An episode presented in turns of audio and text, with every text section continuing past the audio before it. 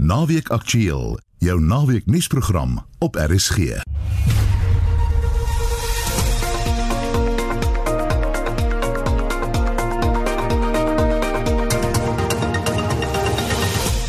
Goeiemiddag. In die program Distrik 6 in Kaapstad vier sy herdenking in Hanoverstraat te midde van druk bouwerk. And District 6 was the soul of the city. And I think if we look back today, District 6 is probably what it used to be, is probably what South Africa needs today. It is unity amongst diversity. En 'n Britse wetenskaplike bereken dat al die COVID-19 virusdeeltjies in 'n koeldrankblikkie sal pas. it's absolutely crazy that all the devastation and destruction and loss of life that this virus has caused could all you know all boils down to an incredibly small volume of material it'd be great to think we could just pack it up in a can of fizzy drink and then shoot it off into space and see the back of it but unfortunately that's not how how taking control of, of the virus is going to happen Welkom by Naweek Aktueel. Die span is Hendrik Martin, Lewona Bekes en ek is Marieta Kreer. President Cyril Ramaphosa sê ondanks die impak van die COVID-19 pandemie is daar planne om die ekonomie reg te stel en die inentingsprogram reg oor die land te versnel. Ons praat nou met advokaat Stefanie Fik, hoof van regsaake by Outa oor president Ramaphosa se staatsrede. Goeiemôre Stefanie. Goeiemôre Mariet. Julle algemene indrukke van die rede vir alles en mense dit nou met vorige jare vergelyk. Ek dink kom ons begin by om te sê dat baie van dit klink maar soos van die van die van die beloftes wat in in in in vorige jare gemaak is. Ek dink die president het moeg gelyk. Ek dink hy het hard gesoek na na na positiewe nuus en hy het probeer dat die staatsrede positief is, maar ek dink daar was baie gehad. Ek dink daar's baie goed wat ons wou gehoor het wat ons glad nie gehoor het nie en die meer konstruktiewe planne. Dit is een ding om te sê ons gaan weet ons gaan iets doen aan korrupsie, ons gaan iets doen aan die ekonomie. Maar wat? Hmm. Wat gaan ons in hierdie jaar doen om al hierdie goeder reg te stel? Is julle ouens tevrede met hoe belasting bestee gaan word? Ek dink die mense het regtig 'n idee gekry van van van hoe die belasting bestuur word en is 'n bekommernis. As mens net gaan kyk na ehm um, byvoorbeeld korrupsie. Ja, korrupsie, ons gaan ons gaan ons gaan korrupsie ehm um, aanvat en ons is baie bly oor die aanstellings wat ons gemaak het. Dis ongelukkig nie al wat nodig is nie. Ehm um, ehm um, die COVID-19 is op almal se lippe. Dis 'n dis 'n pandemie en ons moet iets daarmee doen. Maar net iets soos, maar kom ons laat die privaat sektor. Kom ons laat ehm um, die die die die die die, die NPO's wat daar buite is wat hierdie ehm um, klas van dinge op daar. Hoekom laat ons hulle nie toe om om om om om deel te wees van die verspreiding van van 'n van 'n vaksin nie. Ehm um, dit is bekommer bekommerwekkend dat die dat die staat ek wil amper sê reeds bewyse dat hulle hulle bietjie sukkel. Die die die die korrupsie in in in in die verspreiding van van die PPE's was was was rarig kommerwekkend en dan gaan ons en ons kry die verkeerde vaksin of uh, en ons het nog nie planne hoe ons dit vir vir net gewone Suid-Afrikaners gaan versprei nie. So net 'n idee soos ons kry ander mense om, om ons te help mm. want ons kan nie. Stefanie, volgens Outa, in watter sektore behoort geld bestee te word om die ekonomie 'n hupstoot te gee? Ek dink dit was goeie nuus om te hoor dat die die die die die, die privaat sektor word na gekyk om ehm um, um, nuwe werksgeleenthede te skep. So dit was goeie nuus. Maar ehm um, ehm um, ek ek ons ons dink dat jy gaan ehm um, jou jou jou jou belasting beter bestee as jy korrupsie die nek omdraai. Mm. Met ander woorde, wat gaan ons doen met ehm um, die 300 SOE's wat daar is? Uh, gaan mm. ons die die die getalle wat wat wat daar is, gaan ons dit minder maak. Spandeer liewer tyd om jou um, jou groot staatsorganisasies uit te sorteer, om die bestuur uit te sorteer, om die korrupsie ehm um, um, minder te maak. Dan gaan jy meer belastinggeld hê om te spandeer op ehm um, ehm um, die feit dat die werksgeleenthede ehm um, om, om werksgeleenthede te skep. O, daar is nie gesê hoe gaan ja. ons meer werk mm. skep nie. Hoe gaan ons sorg dat ehm um, die die die die ehm um, salaris ehm um, wat wil ek sê salary bill dat die dat die die ehm um, die hoeveelheid geld wat ons spandeer aan aan die regering en die hoeveelheid mense wat daar werk is astronomies. Mm. Kan ons dit nie minder maak nie? So, wat was die vir ons planne gegee? Hoe gaan hierdie ehm um, ehm um, staatsrede hoe het dit 'n impak op a die die persoon wat nie werk het nie en op op op op op op persone wat baie swaar kry ja. um, omdat ons hierder is.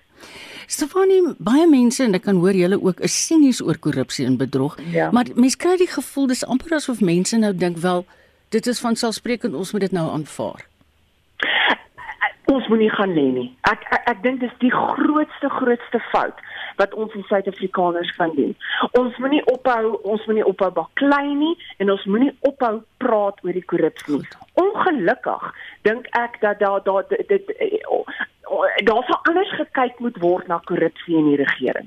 Want ehm um, net 'n net 'n 'n simpel voorbeeld is die feit dat mense ehm um, is in 'n posisie, daar's ehm um, aantuigings, ehm um, die persoon bedank en dan sien ons hom weer hom of haar in 'n ander posisie. Met ander woorde, net ja. sulke eenvoudige stappe en ons moenie ophou, ons moenie ophou om die lig daar te skyn nie, want dit moet dit, dit moet inkry. Baie dankie, dit was advokaat Stefanie Fik. Sy is die hoof van regsaake by Outa. Baie Suid-Afrikaners het die president se staatsrede asma net nog soveel retoriek begroet. Tog was daar enkele aankondigings wat wel verandering kan meebring, soos die lys van kritieke vaardighede, die waterreguleerder en hervormings wat die energiesektor betref. Ons praat nou met Gabriel Kraus van die Instituut vir Rasseverhoudinge vir hulle kommentaar. Goeiemôre Gabriel. Goeiemiddag, baie dankie. President Ramaphosa beloof 'n invloei van beleggings na die land, maar julle was nog altyd krities oor die talle struikelblokke vir die sakewêreld wat die ANC se beleid skep. Hoe voel julle nou na die staatsrede? Ehm um, ja, ons is baie bekommerd. Ek gaan nou vinnig in Engels oorsluit. Mm. Uh the problem is that uh Ramaphosa's analysis his analysis is that the problem is a lack of confidence. South Africa's got a great value add proposition. It's a great country to come and invest your money. We just haven't got good enough advertising. If only we sing a happy song uh, and and make uh, wonderful pictures and promises, then the money will flow in. Unfortunately, uh, there's a grain of, of historical truth to that. There was a time, I think, particularly when uh, uh, Tito Mboweni took over from Chris Stals as governor of the Reserve Bank, 2000 2001 when the rand's fluctuation did seem to reflect a biased attitude from global investors towards an ANC appointed central governor, central bank governor. Mm. So there's a, there's a memory of that where advertising was the issue, where bias was the issue. But that issue has long gone away. And the thing that's scaring investors off today is not words, it's deeds. It's not ideas, it's laws.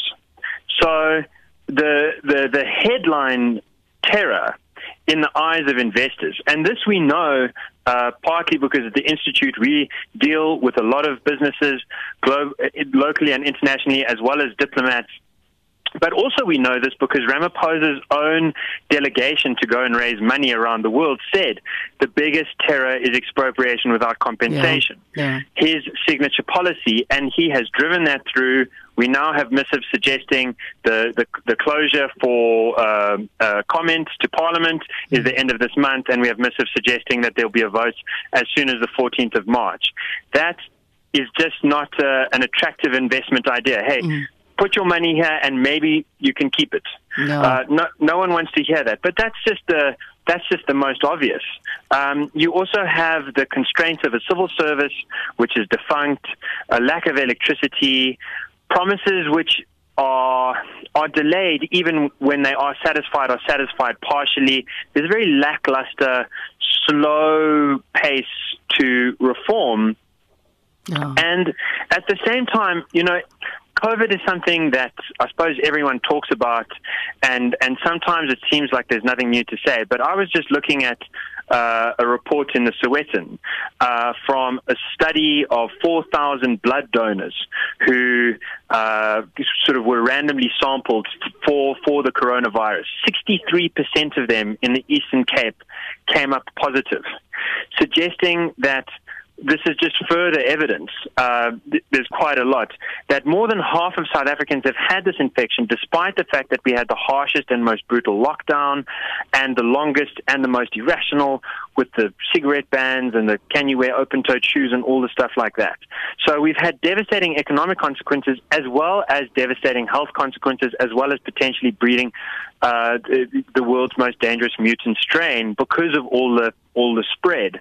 This is this is just a, a very real world indication of the ineptitude of the South African government, of the Command Council, and of the very dire consequences that this has in terms of lost lost lives mm-hmm. and also challenges going forward. South Africa just seems like one of the hardest places to imagine um, getting back to business in 2021. So, on those two headline things, the big policy move and the big crisis of the moment, the the command council has has has left people sort of holding an empty bucket, and local and foreign investors see that and they see a great yeah. wide world with yeah. attractive prospects in East Asia, with interesting things going on in Kenya, Nigeria, South America, you know, mm. Peru, Chile. There's just so many other places if you're looking for an emerging market bet uh, to go for. Uh, we, we don't have the we don't have the special aura that we once did, and we definitely don't have the rule of law, the infrastructure, and the and the reliability of a civil service uh, that we did even 15 years ago. Um, and and the final thing is we don't have the money. You know, our, our, our fiscus is bankrupt. Jet to GDP is going over 100%. Our the the servicing costs on that interest is is crazy, and it puts the rand in a position much like the Argentinian peso. This is something my colleagues and I discuss a lot. Argentinian peso and the rand were on very much the same level for about a decade, and in two years, the peso went up from about 15 to the dollar to 80 to the dollar because those fundamentals were sort of pushed to the side. The bump in the carpet was mm. pushed, delayed, mm. pushed, delayed, and then finally the chickens came home to roost. It was a very ugly thing. Hoe and that has happened in the last two years, ja. Ekskuus, ek wil jou vra, hoe geloofwaardig dink jy is president Ramaphosa veral met die oog op die buiteland? Hoeveel waarde? I mean geloofwaardig. I mean do they believe in oh, him? Incredible credibility, yes. Yeah. I think I think that when he first came to power, there was real hope. Yes. And and real credibility. The things that stood in his favor were the fact that he was part of the negotiating team at CODESA, which entrenched, which set up and then entrenched the constitution that we have, which protects investment. The other great fact that he sort of had on his side was apparent business acumen. He'd made a lot of money for himself and so seemed to have imbibed the logic of the market. And despite his closeness with Zuma as his deputy president, sitting right there for five years of, of looting, it seemed like maybe he was this long term strategist who was waiting to get full power and then drive out the corrupt. It's, it's not ideas which changed that view, it's evidence. It's the fact that he did not preside over fiscal discipline. It's the fact that he did not expel um, blatantly corrupt members of his cabinet. It's the fact that he appointed card carrying communists uh, to, to serious positions of power and the fact that he made expropriation without compensation his signature policy at the same time as calling for foreign investment, investment and yeah. then sort of made, you know, mm, I'm shocked mm. that Eskom's not working when he was the guy sitting on the, the ANC NEC's board to choose which cadres get deployed into Eskom. So I think that that credibility has eroded severely and and one of the things to just note is that first it eroded in private. First, we heard people, both local journalists and international players, who in public would say Ramaphosa is a great guy, we've got full trust in him, and in private would start to express their misgivings yeah. in briefings mm. and in meetings. Mm. But that has bubbled up to the surface in uh, an irretrievable way. And uh, it, it, it does make his speeches ring hollow at a very unfortunate time because we really do need a sense of pull together, mm. and uh, and we're not going to, you know, we've lost over a million jobs. We're not going to get back on a path of growth without investor confidence. But investor confidence is only partly based on advertising. A lot of it's based on reality. And as, as long as the reality stays like this, it's not it's not going back. Baie dankie. Dit was Gabriel Kraus van die Instituut vir Rasse Aangeleenthede. Ons bly steeds by hierdie onderwerp. Ons praat nou met professor Andre Roo van die Universiteit Stellenbosch se bestuurskool. Goeiemôre Andre. Hallo Marieta. Na die ekonomie verlede jaar na 7,3% gekrimp het. Dink jy ons sal volgens die president se staatsrede 'n sterker ekonomie in 2021 kan sien? Ja, ons moet kyk wat die uiteindelike uh, syfer is natuurlik vir jaar jaar. Ons het nog nie die vierde kwartaal nie, kan nog erger wees. Ehm um, ek dink die ekonomie gaan groei uh ondanks die president se staatsrede. Die president se staatsrede kan 'n groot verskil maak aan aan kragte wat reeds onderliggend is, wat reeds aan die gang is, nee. Mm. Uh ek dink mense moet die staatsrede sien hoofsaaklik bestaan uit twee aspekte. Een is soort van 'n bestekopname oor die afgelope jaar, die die goeies en die negatiewe situasie en dan 'n baie breë, baie vaar soort van uh, bedoelings vir die jare wat voorlê. Ek dink uh, om te verwag dat 'n staats uh, die, die, die, die spesifieke staatsrede moet van al die oplossings gee met al die tegniese detail binne 'n uur is 'n bietjie verregaande. Ehm um, en 'n mens moet ook onthou en ek het 'n bietjie geluister na die vorige spreker dat baie van die ekonomiese probleme mm. wat ons nou ervaar het reeds begin posvat voor COVID-19. Ek bedoel as ons teruggaan na sê maar Februarie verlede jaar, was ons reeds in 'n resessie werkloosheid was reeds lank al hoër as 25%. Die wisselkoers was reeds baie wisselvallig en dis meer. Ja. Ehm um, dus uh, COVID het ongelukkig baie van die dinge vererger. Maar ek wil verder teruggaan. Die dinge waarna ek sopas verwys het aan die einde uh, begin van verlede jaar, kom al 'n lang pad. Dis nie iets wat skielik oornag in 2018 of 2017 na vore gekom het. Dis 'n resultaat van jare. Mm. So verskeie struikelblokke die afgelope klompie jare. So ek dink om te verwag dat 'n enkele toespraak moet al die oplossings bied vir probleme wat oor 'n dekade of langer uh, ontwikkel het, is baie onregverdig. Dink jy president Ramaphosa het 'n werkbare plan vir die ekonomie? Wat is verkeerd en wat moet hy verander? Ja, kyk ek dink dit waarskynlik uh, dis nie genoem in die staatsrede nou die dag nie wat ek net nou net gesê dit is die doel daarvan nie uh, wat die basis gesê het is dat uh, ons moet die ekonomie herstel. Mm. nou herstel beteken terug na waar hy was 'n jaar gelede wat nie wat wonders is nie en dan tweedens moet ons sorg dat uh, dat die herstelpad op so 'n manier plaasvind dat dit werk skep en armoede verminder en dis meer. Daarmee stem mense saam Ek dink hy het ook verwys na die ehm um, bekamping van korrupsie en die ander groot ding was natuurlik om die die gevolge van COVID probeer uit die weg uit te ry. In terme van 'n groter plan, ek dink 'n mens moet seker ook onthou dat sy posisie bly nog 'n bietjie broos. Jy weet as mens ja. mooi daaraan dink, hy het soort van net net daarin geslaag om verkies te word as leier van die party Ehm um, en ek dink as waarskynlik binne die party en in in die in die dampkringe van die party is daar waarskynlik nog faksies. Hy moet daardie bestuur. Hy moet die verwagtinge van verskillende uh uh belangegroepe in die ekonomie binnelands en buitelands probeer bestuur. En baie keer is daardie doel wat op al die verskillende belanghebbendes is 'n uh, bots met mekaar die die doel wat ja, die aspirasies ja. van 'n werklose persoon is nie dieselfde noodwendig as die aspirasies van 'n uh van 'n investeerder nie. En die aspirasies van die vakbonde is nie noodwendig. Ag ek sê maar dat is verander hy verloor. Maar ja, ons het ten minste die algemene idee van sy antwoorde gekry. Die verdeeldheid in die ANC en korrupsie en so aan. Dit was professor Andre Roo van die Universiteit Stellenbosch se bestuurskool. Jy's ingeskakel op Naweek Aktueel is 23 minute oor 12. Kampvegters vir vroueregte. Meen die president het vroue kwessies in sy staatsrede afgeskeep. Misdaad, geweld teen vroue, korrupsie en wanbestuur het volgens hulle te min aandag gekry. Die vroue wat met Anne Marie Jansen van Vuren gepraat het, sê Ramaphosa moet ophou praat en die daad by die woord voeg.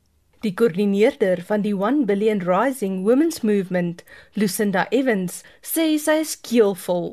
In 2019 het meer as 20000 vroue in Kaapstad byeengekom. By hierdie geleentheid het president Ramaphosa verskeie beloftes gemaak wat hy nog nie nagekom het nie. En die president het beloof nou byl, nou berou. En as ons kyk van 2019 tot op gisteraand, hoeveel vroue en hoeveel kinders het gesterf? Hoeveel unaccounted parolees is daar? En ek kan aangaan en aangaan. Ek het nie soune gekyk want hoekom? Hoekom moet ek soune kyk wanneer ek as 'n vrou nog steeds onveilig voel in Suid-Afrika? Ek voel as 'n vrou in Suid-Afrika dat ons mekeer 'n nuwe regering, 'n nuwe regering wat nie dink aan hulle sakke nie en nie dat korrupsie, korrupsie is een van die goed wat ons as vrouens so benadeel. Ons kyk na COVID, wat het gebeur? Ons kyk na die befondsing wat nie kan ge-account word nie, die vaksin. Hoeveel vroue in Suid-Afrika gaan ooit in daai lyn kom om gevaksineer te word? So aan die einde van die dag, regtig, wanneer ons weer na die polls toe gaan, moet ons definitief beter kies. Die stigter van die Women Lead beweging en menseregte prokureur, Melien Resou, stem saam.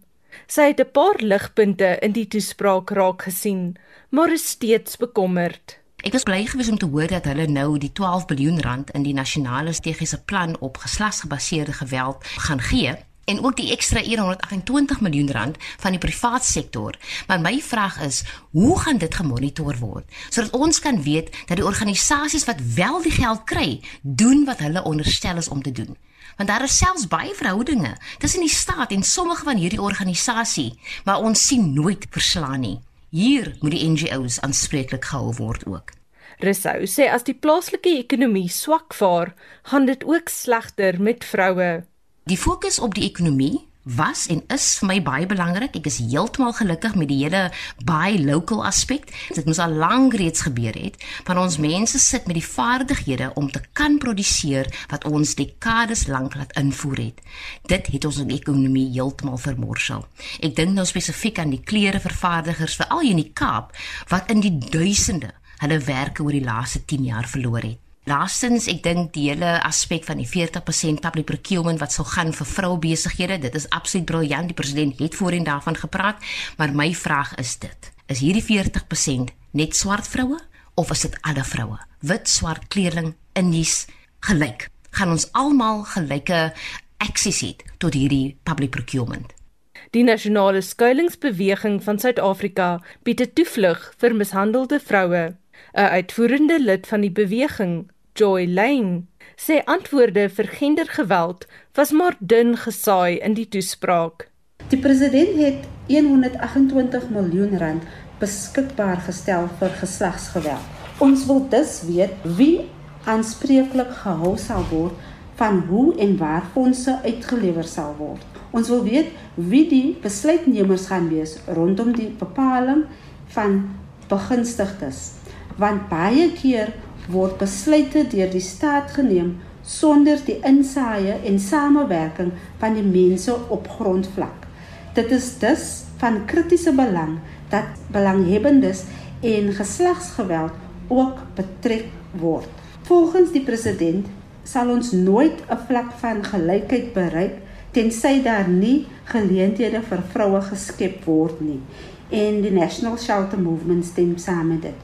'n uitvoerende lid van die nasionale skuilingsbeweging van Suid-Afrika, Joy Lang, en ek is Anne Marie Jansen van Vuren vir SAK nuus. En ons bly by Anne Marie vir die volgende bydrae. amper 7 miljoen mense is heeltemal deur president Ramaphosa se staatsrede oorgesien. Dit is die mening van vervaardiger, aktrise en bestuurder van die Teaterbystandsfonds Lis Meyering. Volgens haar het hy heeltemal die lede van die kunste en vermaaklikheidsbedryf in sy toespraak afgeskeep. Weer Anne Marie. Stomme verbasing en eintlik ook nie. Ons is glad nie eers genoem nie op enige vlak op enige manier nie. Dit klink nou vreeslik sinies, maar ongelukkig is ons in die kunste al gewoond daaraan. Selfs onder 'n vorige bestel was daar nie eintlik enige respek of oordentlike intelligente aandag gegee aan die kunste in Suid-Afrika nie. Kan ek die aanname maak dat jy veral teleurgestel is deur die staatsrede omdat die kuns- en vermaaklikheidsbedryf so swaar gekry het tydens die COVID-19 inperking soos baie ander bedrywe gaan dit natuurlik verskriklik swaar op die oomblik en ek besef baie baie goed dat daar baie ander bedrywe is wat swaar kry. Dit is nie net ons nie, maar dit is verstommend dat ons nie eers genoem is op enige manier nie. dit terwyl die teaters basies gesluit is en die wat wel op die oomblik oop is, net 50 mense kan akkommodeer. Nou dit is onmoontlik vir die teaters of vir die kunstebedrywers om enigsins eers gelyk te breek op daardie vlak. Dan praat ek nie eers van die visuele kunstenaars en so aan nie. Onthou ons bedryf bestaan nie net uit kunstenaars nie. Dit is tegnisië, logistiek, dis administratief, almal in film, radio, TV, teater, lewendige optredes wat die informele sektor soos die kulkunstenaars en die baskers, daai mense insluit. Die blote feit dat sport kuns en kultuur saam in een ding gebondel is, is belaglik. Sport is 'n totaal ander bedryf as die kunste. So die staatsrede het weer eens vir ons bewys dat ons as die kreatiewe wesens in hierdie land en ek is seker dit is dieselfde vir almal wat entrepreneurs is, moet dit nou maar vir onsself doen en onsself red. Wat ons doen. Die besturende direkteur van die Teaterbystandsfonds en aktrise Liz Meyering. Die landelike plaaswerkersontwikkelingsorganisasie sê hulle is moeg vir leë beloftes uit die presidentskap. Die organisasie se uitvoerende direkteur, Billy Klasen, het aan Marlenae Forsie gesê, hulle die president met verskeie geleenthede genader sonder dat iets daarvan gekom het. Die president praat rondom die bos. Hy het nooit daadwerklike planne vir alles wat kom by plaaswerkers op nie. En by landelike ontwikkeling van ons mense ook nie. Dan praat ek van die ekonomiese lewe wat ons van gepraat het. Wat is dit? Vir baie plaaswerkers en vir landelike gemeenskappe is dit Duits, want daar is iets soos ekonomiese ontwikkeling vir plaaswerkers nie. Ek dink 27 jaar in demokrasie kan plaaswerkers terecht vra. Suid-Afrika, waar is my vryheid? Want ek het dit nie. Suid-Afrika, waar is my ekonomiese geleenthede? Want ek baat nie daarbey nie. Hy beklemtoon dat hoewel boere dikwels hulppakkette van die regering ontvang, verskeie werkers steeds van plase afgesit word of hulle werk verloor. Volgens Klasen is dit nie hoe ekonomiese herlewing lyk nie. Die president moet 'n slag daadwerklik optree en na die tafel toe kom en kom praat met georganiseerde landbou, georganiseerde arbeid en moet ook met die gemeenskapsorganisasies en die civil society, die NGO's wat plaaswerkers, die geselde organisasies wat plaaswerkers bedien. Kom ons praat en ons sit die dies op die tafel en ons vat hande om vorentoe te gaan.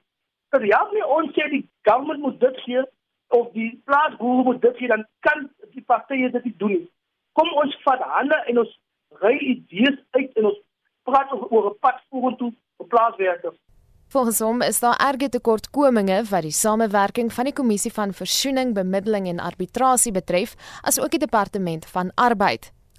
Hoewel hulle die verhoging van die minimumloon verwelkom, sê Klaas en hy weet klaar dat dit nie op alle plase geïmplementeer gaan word nie. Wie moet die implementering daarvan toesien? Dit is die departement arbeid. Maar sodra ons gaan klaar by hulle, sodra ons die sake wil eh, aan aanmeld, dan word dit goed nie gedoen nie. Ons kyk ook na die teersfonds wat nou getrek was deur die boere.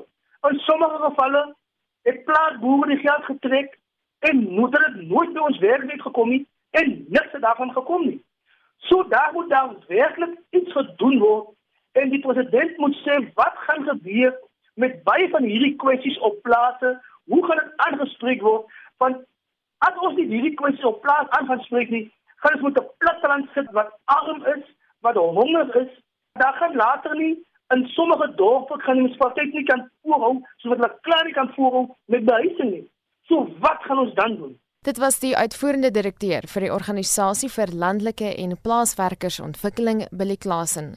Marlene Forsie is hy kan nuus. Nou kan ons almal diep asemhaal. Ons is eers vereers klaar met die staatsrede. Die verrassende goeie reëns in die Noord-Kaap het nou ook tot oorstromings gelei. En inwoners daar moes selfs op sekere plekke verskuif word Ons praat nou met ons verslaggewer in daai gebied, Reginald Witboy. Hallo Reginald. Goeiemôre. Presies hoe erg was die reën in en watter dorpsgebiede? Wel, um, ons het gister die Kuruman gebied besoek toe die nuwensgewende organisasie Gift of the Givers mm. nou um, die nodige kospakkies gaan aflewer het want van die gebiede in die Kuruman gebied is ontoeganklik en soos ons ook weet maandag gaan skole oop so ja. um, skool um, vervoer gaan dan ook 'n probleem wees. En dit is 27 skole in die in die gebied wat nou geaffekteer word. Maar wanneer ons nou praat van hoe groot die die die omvang van van van alles is um, ons weet dat die premier van die Noord-Kaap, Tsamani Sol, het die hele provinsie tot rampgebied verklaar. Die rede daarvoor is is dat daar is ook ander plekke in die provinsie wat ook wat ook ewig deurgeloop het en dit is hoekom die hele provinsie dan nou tot rampgebied verklaar is. Voorheen was dit tot rampgebied verklaar as droogte, maar hierdie keer is dit 'n ander prentjie ja. as gevolg van water. So Ja, dit is so, ongelooflik, ja. né? Nee. dit is, dit is ja. Wat is die aard? Jy het nou verwys na hulle Gift of the Givers van hulle hulpverlenings wat hulle daar bied. Via hulle het nog gister kospakkies per helikopter daar afgelewer en ons was almal um, daar om om om dit te aanskou.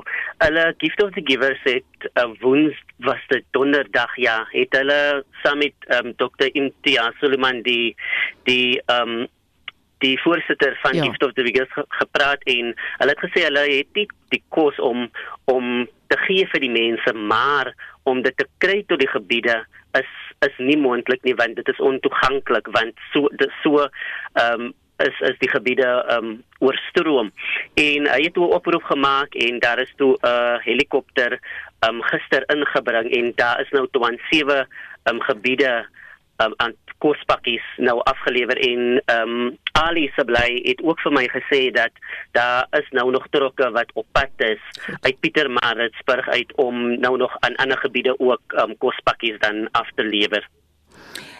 Wat is die weervoorspelling vir die volgende paar dae, weet jy? Wel op hierdie stadium weet ek nie, maar gister toe ek saam met inwoners gepraat het, het hulle nou vir my gesê hulle is so bekommerd dat ehm um, daar nog meer gaan meer reën gaan uitsak mm. want hulle is al klaar so ehm um, knie diep in die water. Hulle huise het goed deurgeloop, infrastruktuur, die paaie. Gister toe ons ook ter ehm um, per bakkie terug is ehm um, Kimberley toe. Ehm um, die paaie daar sluit 6 ehm um, 6 uur namiddag en toe ons nou uh deur is toe op ons nou aan die ander kant kom net so in Vryburg mm. toe het die verkeersowerhede alreeds die paaie toegemaak. Verstaan jy? So ja. daar is nog ander paaie wat ook gesluit is en alternatiewe roetes is aangedui, maar selfs daardie alternatiewe roetes word ook dan ehm um, toegemaak 6 namiddag sodat uh, daar aan die paaie gewerk kan word. Reginald, ek is seker ons gaan nou in die nabye toekoms nog baie met jou gesels. Baie dankie vir hierdie verslag. Dis ons Noord-Kaapse verslaggewer, Reginald Witboy.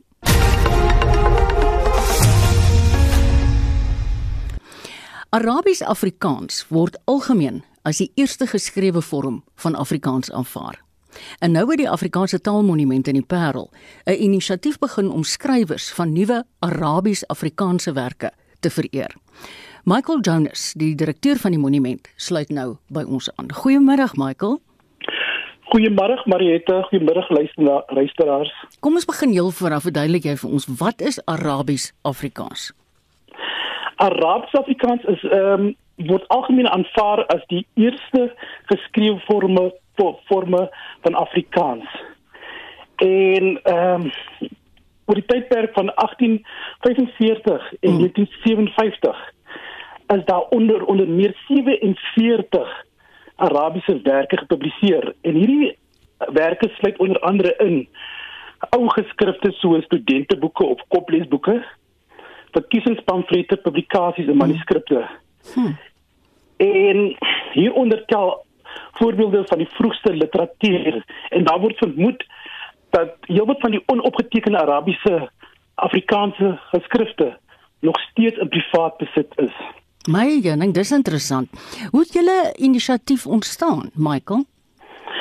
Kyk, ehm um, as deel van 'n uitgebreide kommunikasiestrategie fokus die Afrikaanse Taalmuseum en Monument mm.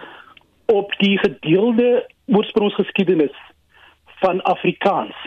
Goed. Om en so skep ons natuurlik 'n uh, inklusiewe ruimte mm. waar bydraes van groeperings uit Europa, Afrika en uit die ooste erken word. En as jy nou beoordeling toepas, deur wie word dit gedoen? Hoe word dit gedoen? En is daar miskien een of twee wenners wat jy vir ons wil uitlig? Sekerlik. Ehm um, vir hierdie spesifieke kompetisie was die beoordelaar ehm um, Dr. Samiga Kaudri, 'n kenner van Arabies en hoof van die departement van Afrikaans aan die Universiteit van Fort Hare. Hmm. En uit die drie wenners het sy onder andere op die volgende opmerkings gemaak. Ehm um, die wenner was Gesan Kriel en sy skryf in haar uh, kriteria van beoordeling die inskrywing was was feit uh, was feitelik uh, foutloos. Uitstekende gebruik van die ehm um, haraka of die ja. kort of die kort vokaalmerke en die diakritiese tekens van die fonetiese uitspraak is korrek weergegee. Ja. En sy sê ook sy gaan voort en sê dit is ehm um, lesersvriendelik en werklik 'n uitstekende werkstuk met baie detail. En dan het ons onder andere 'n bydrae van die naaswenner Mohammed eh, Alexander gekry wat wie se inskrywing gefokus het op die Kaapse Moslem Afrikaans. Hm. En sy merk op dit was 'n groot plesier om hierdie werkstuk te, te beoordeel, 'n wel uiteengesette stuk wat maklik leesbaar is. My jene. En die laaste die laaste wenner het gefokus op ons nuutste projek waar ons kyk om meer stemme tot die narratief van die ontwikkeling van Afrikaans en die bou van die monument by te voeg. En sy het spesifiek eh, gefokus op aanhalings van die monument se bouers. Just en dit was dat dat nie ehm um, Gilwan gewees. Jy weet 'n mens dink sekerlik ook Michael aan werke van mense soos Wile Boeta of eerder dokter Ahmad Davids en dan prof Hein Willemse in die verband, nee. Sekerlik, sekerlik. Ehm um, hierdie kompetisie was hier is gebou op die die boek die Afrikaans van die Kaapse Moslem wat deur ehm um, Dr Ahmed Davids mm. en later vir Pierre Provine Willemse verwerk is. Mm. En dan bou dit ook op die eerste Moslem rolprent in Afrikaans Barakat wat ons verwag in Mei maand hierdie jaar vrygestel gaan word. Ons het ons het met Anna Marie Jansen van Vuur en sy is ons rolprentkundige. Ons het eendag met haar daaroor gepraat en dit is ontsaglik interessant. So jy sê ons oë moet oop wees hier teen my maand. Dit is korrek. Michael, hoop julle dat hierdie inisiatief uiteindelik 'n bydrae kan maak teen die toenemende verengelsing wat mense in die tradisionele Arabies-Afrikaanse gemeenskappe vind? Ehm um, ons ons maar, het, ons wil so glo. En as ons kyk na die nuutste ontwikkelings op die front, ehm um, is daar onder andere 'n um, nuwe Facebook groep. Mm. En 'n webtuiste Alex5786 wat die gebruik van Kaapse Moslem Afrikaans opteken en verduidelik. En heelwat van hierdie Afrikaanse woorde is van Suidoos-Asiatiese oorsprong terwyl die ander oorspronklike woorde hier geskep is. Goed. En dan moet ek ook byvoeg is dat ehm um, op op die taalfront is die Afrikaanse Taalkommissie ook besig om die Afrikaanse woordespel woordelys en spelreëls uh. uit te brei om voorsiening te maak vir variëteite soos die Muslim Afrikaans. En ehm um, het toe met die die idee voor dag gekom om 'n transliterasie mm. uh tabel vir Afrikaans en Arabies te, skep. Yeah. En ek dink dit gaan ook by bydra om groter ehm um, trots te kweek ja. onder onder onder, ja. onder die moslim gemeenskap. Michael, wil jy net gou-gou weer vir my sê was dit 'n Facebook bladsy of was dit 'n webwerf wat jy nou genoem het? Dit is 'n uh, webtuiste gewees en daar's 'n Facebook bladsy ook op Arabies Afrikaans beide. Goed, baie baie dankie. Dit was Michael Jonas. Hy is die direkteur van die Afrikaanse Taalmuseum en die Taalmonument in die Parel. 'n herdenkingsseremonie vir die gedwonge verskywing van die inwoners van distrik 6 in Kaapstad op 11 Februarie 1966 is donderdag gehou. Die seremonie vind elke jaar by die kasteel plaas, maar vanjaar was dit op 'n klein skaal en is in Hanoverstraat gehou. Distrik 6 was 'n multikulturele buurt, maar in 1966 het die nasionale party regering besluit om dit as 'n wit woongebied te verklaar en die oorwegend bruin inwoners is in ander buurte op die Kaapse vlakte soos Mannenberg hervestig. Verskeie sprekers het die gebeure van 1966 onthou en teen die agtergrond van die bouwerk op die terrein daaroor gepraat. Sheikh Irfan Abrams het oor die pyn gepraat wat apartheid veroorsaak het. What is the major plan of the government apartheid regime? They were the criminals of this act. They were the laws of this act and they were the criminals who committed the act against the people of South Africa. So, we did throw us. They threw us in the Halapa, they threw us in Nova Park, they threw us in Mendenburg, and and said go on and go on. So, what happened to our children? The good mixed with the bad, and the bad mixed with the group, and our children became drug addicts, and drug merchants, and scholars. It happened to our children. But what was a major plan by the apartheid regime? And we don't the money. We don't the money. We don't our precious back. Get our land back where we were born on. Here we were supposed to be. We want money from you. We can have our own money. We don't want your money. Give our land back. It belongs to us. Nog 'n spreker, eerwaarde June Dolly Major, het sterk woorde van aanmoediging vir die eisers gehad. Even though the government declared it a whites only area, the land and Mother Nature had other plans, and it would not allow the plans of the government to take its place. And so you see today, and, and I look at Hanover Street and I listen to the stories over my years of ministry, and even as I was chatting with the ladies right now, we hear wonderful stories. I know there was 21 churches in District 6. There were mosques, there were synagogues, but no one lived separate lives. We also hear stories of how the imam's son would go and ring the church bell on a Sunday morning. And so there was inclusivity, and, and District 6 was the soul of the city. And I think if we look back today, District 6 is probably what it used to be, is probably what South Africa needs today. There is unity amongst diversity. And I'm so glad to see Sheikh Abrams here today. Uh, it's wonderful to see you again, Sheikh Abrams. We've been on many marches together for Palestine, and so it's really wonderful to be here. But Sheikh made reference to the fact that we need to change the narrative. We need to change the history. And I think the one thing that each one of you that lived in District 6 stood for, that was for unity. You were resilient, you were resistant, you stood together, you were united. And even if I see you now and I hear your stories, I think that's the one thing that keeps you going. Resilience, resistance. So as a word of encouragement for each one of you as you continue this fight for justice. And I'm speaking as one, as an activist for justice on very, various levels as well. To not give up. Die mede-voorsitter van die distrik 6 bestuurskomitee, Zara Nordin, het verduidelik hoe die verwerking van inwoners se eise vorder. Sy sê die fase 3 wooneenhede in Hannoverstraat sal 108 gesinne teen April kan huisves. What I need to say, if it was not for the District 6 working committee, those houses wouldn't have been standing there for the 108 families to move in in April. And we are not going to stop the fight. Yes. We're going to keep on fighting until I hate to use the word say late claimants because they are all claimants. But the court ruling was they gave government three years to complete the 1995 to 1998 claimants. And after that, it will be the 2014-2018 claimants. So those who claim, I won't say you claimed in 2014-2018, you claimed in the year 2000 at the Oriental Plaza. Government lost your papers, but we're going to fight for you to come back. So don't give up hope.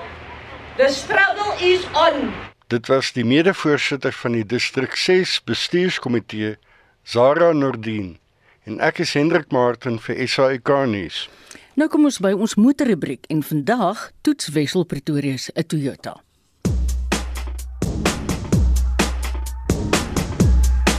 Met Toyota Suid-Afrika gaan dit voor die wind. Verlede maand was een uit elke 4 nuwe voertuie plaaslik verkoop 'n Toyota. Boonop het Toyota Suid-Afrika pas aangekondig dat hy ook die Corolla Cross, 'n sportnuts effens kleiner as die RAV4, in Durban gaan vervaardig. In regter en linkerstuur nogal 'n hibriede model ook vir die plaaslike mark en 43 Afrika lande. 'n belegging van oor die 2,4 miljard rand wat werk verskaf aan 1500 mense. En Toyota Suid-Afrika verwag dat die Corolla Cross sy uitvoere met tussen 15 en 20% per jaar gaan laat groei. Ander bekendes uit die Prospectin aanleg is die Corolla Quest, die Hilux en die Fortuner. Laasgenoemde, die sportnuts wat die beste in Suid-Afrika verkoop, soms oor die 1000 per maand, is einde verlede jaar opgradeer. En selfs die goedkoopste Fortuner, die 2.4 met agterwielaandrywing en die enigste model met 'n 6-spoed handrat teen R581 000, is welbedeeld in terme van lekshede en veiligheid. Ek het oor die somervakansie kans gehad om die topmodel, die 2.8 VX 4-trek outomaties van Johannesburg Kaap toe te ry, maar met 'n paar ompaaie. Die eerste Fortuner het in 2006 op die mark gekom en die nuwe geslag Fortuner 'n dekade later in dies nou subtiel opgeknap. Maar slegs die wat regtig belangstel, gaan waarskynlik die verskille agterkom. Die voorkant is minder besig met 'n skoner swart sierrooster. Langer en dunner dagryligte terwyl die flikkerligte geskuif het van die hoofligomhulsels na heel onder. Die agterligte lyk effens anders en het nuwe alloy wiele. 'n Nuwe silwer skuurplaat onder voor en 'n silwer horisontale strook net onder die syvensters rond die prentjie netjies af. Binne het die bruin binneruim plek gemaak vir 'n meer praktiese swart. En die Fortuner spog nou met 'n nuwe instrumentpaneel en 'n beter gekonnekteerde, groter sentrale skerm wat navigasie insluit op die VX. My kinders het dit waardeer dat die tweede ry sitplekke kan agtertoe skuif en so volop beenruimte verskaf. Die agterklap maak met die druk van 'n knop oop. Die derde ry sitplekke vou op en slaan steeds weerskante teen die kant op wat 'n impak het op die pakplek. Ek wou sommer die twee stoele uithaal en by die huis los want ons gesin van 5 pak vir 3 weke in. Maar makliker gesê as gedaan. My plaaslike Toyota handelaar sê hulle kan dit doen, maar dit vat tussen 'n halfuur en 45 minute en kos R543 net vir die uithaal. So nee, die agterstoele ry saam. Maar omdat die derde ry nie in die vloer plat slaan nie en die volgrootte spaarwiel onder buite sit, is die bagasiebodem lekker laag en die pakplek steeds volop. Klaar gepak kon ek darm net nie die triespieël gebruik. Bygestaan deur drie sensors en 'n trikamera. Die 2.8 turbo diesel skop nou 150 kW en 'n stewige 500 Nm uit. Dis 20 kW en 50 Nm meer as die vorige model. En die ekstra krag was welkom op die sien die tergende dele waar die N1 'n enkelpad is en jy verbysteek slim moet beplan. Die Fortuner het tuis gevoel op die grondpad van die N9 na New Bethesda, byna bedrieglik gerieflik opgrys. Maar net so tuis op die teer. Op die rustige roete van Willowmore na die Rust is dit nie net die Kamanassi en Swartberge wat bekoor nie, ook die Fortuner VX se gerief stil teen 'n aangeduide 120. Die toere maar op 1860. 2000 toere is gelyk aan 133. Gelukkig hou tog beheer jou regtervoet in toom en boonop die aanpasbare tipe sou hy verminder van selfspoed agter 'n stadiger voertuig en versnel weer na jou stelling wanneer die pad oop is. Ook veiligheidskenmerke soos padtekenherkenning en 'n baanverlaat waarskuwing. Die leersitplekke is heerlik. Selfs op ons langste skof van 650 km het niemand gekla oor 'n sitvlak wat lam raak nie. Die voorstes verstel elektries en kan verhit. Na ons kuier in die Kaap, maak ons Sutherland toe. Die stuk of 200 km redelike goeie grondpad vanaf die planetarium na Lockston het toe pas sy eerste somerreën agter die blad in plek plek dieper geslote vol water gelos. Maar danksy 'n buitengewone goeie grondvryhoogte van 279 mm en die gemoedsrus van traksie in die 4x4 modus het die Fortuner die wisselende omstandighede baie goed hanteer. Kyk hoe groen is hierdie vrystaat. En toe wag 'n sopnat modderige grondpad naby die Wetstorp in die Vrystaat na aanhoudende swaar reën. Maar die Fortuner het die spulletjie moeiteloos afgedraf sonder dat dit nodig was om laastrek in te span of die agterste ewenaar te sluit. Na Kaapse draai van 3800 km was my gemiddelde verbruik 'n billike 9,3 liter per 100 km. Ek kan verstaan hoekom die Fortuner so gewild is. Dis 'n baie veelsidige voertuig. In die jongste verbeterings en ekstra krag dra by tot die wenresep. Die 2.8 GD6 4x4 VX outomaties bied teen R806300 hoop leksede. daarmee saam kom Toyota se reputasie vir betroubaarheid en die grootste handelaarsnetwerk in die land. En dit was Wessel Pretorius. Volgens 'n Britse wiskundige behoort al die koronavirusse reg oor die wêreld in 'n enkele koeldrankblikkie te pas. Anne Marie Jansen van Vuren het die besonderhede.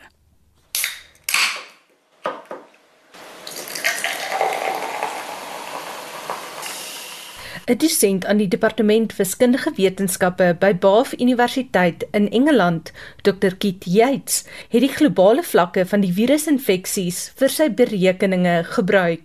Tesame met skattings van die virale lading het Yates uitgewerk dat daar 2 kwintiljoen, oftewel miljard miljard COVID viruspartikels op enige gegeewe oomblik wêreldwyd in die lug is. So what you need to know is how many people are getting infected every day. You need to know how many virus particles they have when they're infected. So you put those two together and you get a figure of about 200 quadrillion particles in the world at any one time. And then you just need to use the formula for the volume of a sphere to figure out how big these COVID particles are in total, knowing that each one of them is about 100 nanometers across. And in total, you get to about 160 milliliters of SARS-CoV-2 particles. Jy sê al hou jy rekening met die proteïene wat uit die virus uitsteek en die feit dat daar gapings sal wees tussen die aardproteïene, sal dit alles tesame in een koeldrankblikkie pas. It's absolutely crazy that all the devastation and destruction and loss of life that this virus has caused could all, you know, all boils down to an incredibly small volume of material. It'd be great to think we could just pack it up in a can of fizzy drink and then shoot it off into space and see the back of it. But unfortunately, that's not how how taking control of, of the virus is going to happen. 'n Reuters joernalis het die draak gesteek met Yates en vir hom gevra of hy al 'n slukkie uit die blikkie probeer het. I wouldn't recommend trying it. It's probably the uh, most disgusting drink that you could ever imagine.